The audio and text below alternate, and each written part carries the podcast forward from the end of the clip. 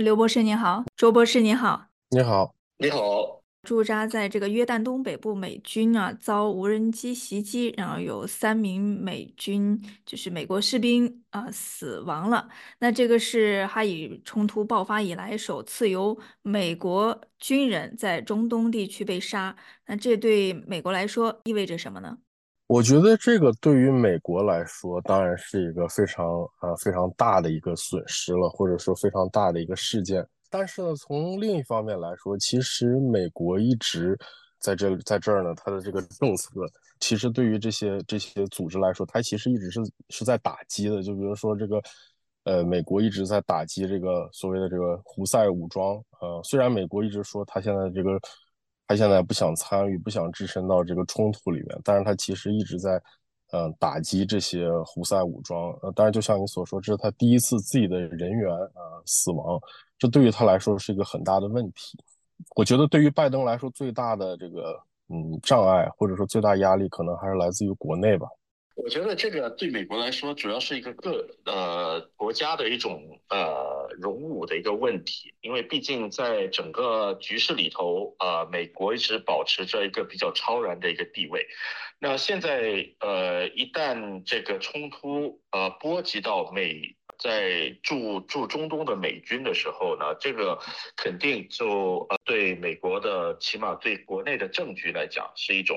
比较大的一种呃一个一个分水岭。拜登自己也说了，就是说他们会呃有一定的一些反应。至于这个反应会到什么样的程度，呃，我们他现在还不好说。但是这个反应是肯定是会有的。这是至于说这个反应之后会不会。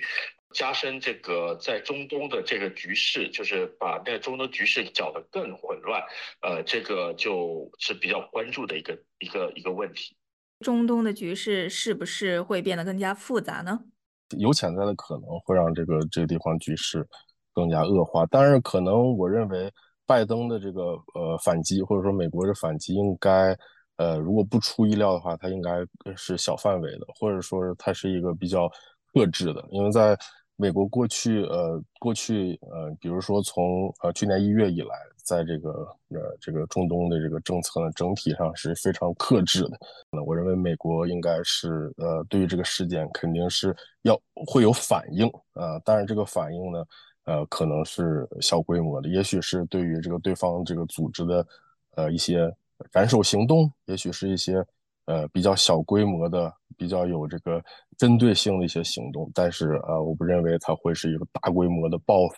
呃，拜登的这些表示呢，我觉得更多的，当然，呃，美国的这些军人他那个因为这个事情丧生，他肯定是得表达自己的，作为这个三军统帅，他肯定得表达自己的这个立场。但是另一方面呢。他也是得向国内的这些呃美国人、美国的选民，包括自己的这个，包括呃政治上这些对手，呃政治上这些反对反对派，呃给他们表示呃做出一些表示。我觉得不会让美国的巴以政策呃从根本上改变。现在不仅仅是牵涉到这个以哈冲突的问题，还有那个呃在也门呃封锁红海的那个情况。那现在是直接把呃伊朗跟美国因为那个发送无人机的那个呃武装分子，其实是由伊朗那边支持的，呃，在伊拉克的武装分子，所以这个间接的就把美国跟伊朗两个在中东比较举足轻重的国家就把它拉扯在一块儿了，呃，这个矛盾。能不能呃，因为通过其他的那些呃，通过其他像像外交方面的一些渠道来解决，呃，我觉得可能性比较低，在整个中东的局势上，就无无无意中就是就火中就添了一把油这种情况。以美国现在的这种态度来讲呢，我觉得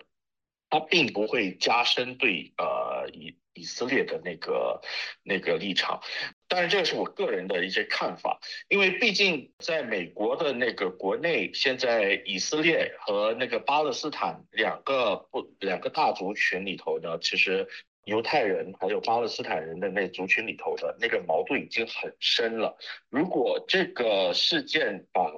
拜登就推到呃，如果拜登决定说更倾向于以色列的话，那肯定呃国内的那个就美国国内的局势会更不稳定。至于这个局势会怎么发展，我觉得还有还有待看，起码最少这这个星期会有一些新的怎么样的一些变化，我们才知道更深的一些呃一些一些分析。嗯，所以就是暂时美国应该还不会说加强或者是减弱对以色列的支持哈。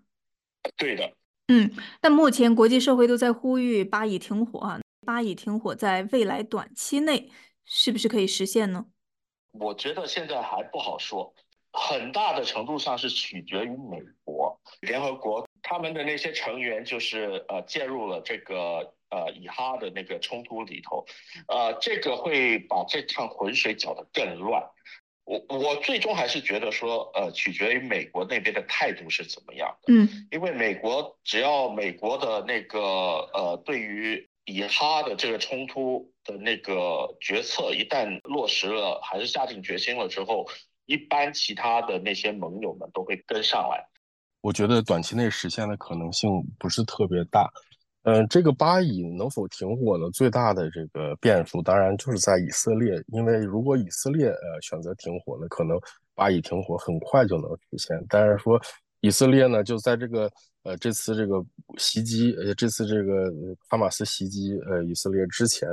呃之后的很短一段时间呢，这个包括内塔尼亚胡，包括。好多这个，嗯，以色列的高官当时都已经啊说发誓誓言要这个把把战争进行到底，誓言要这个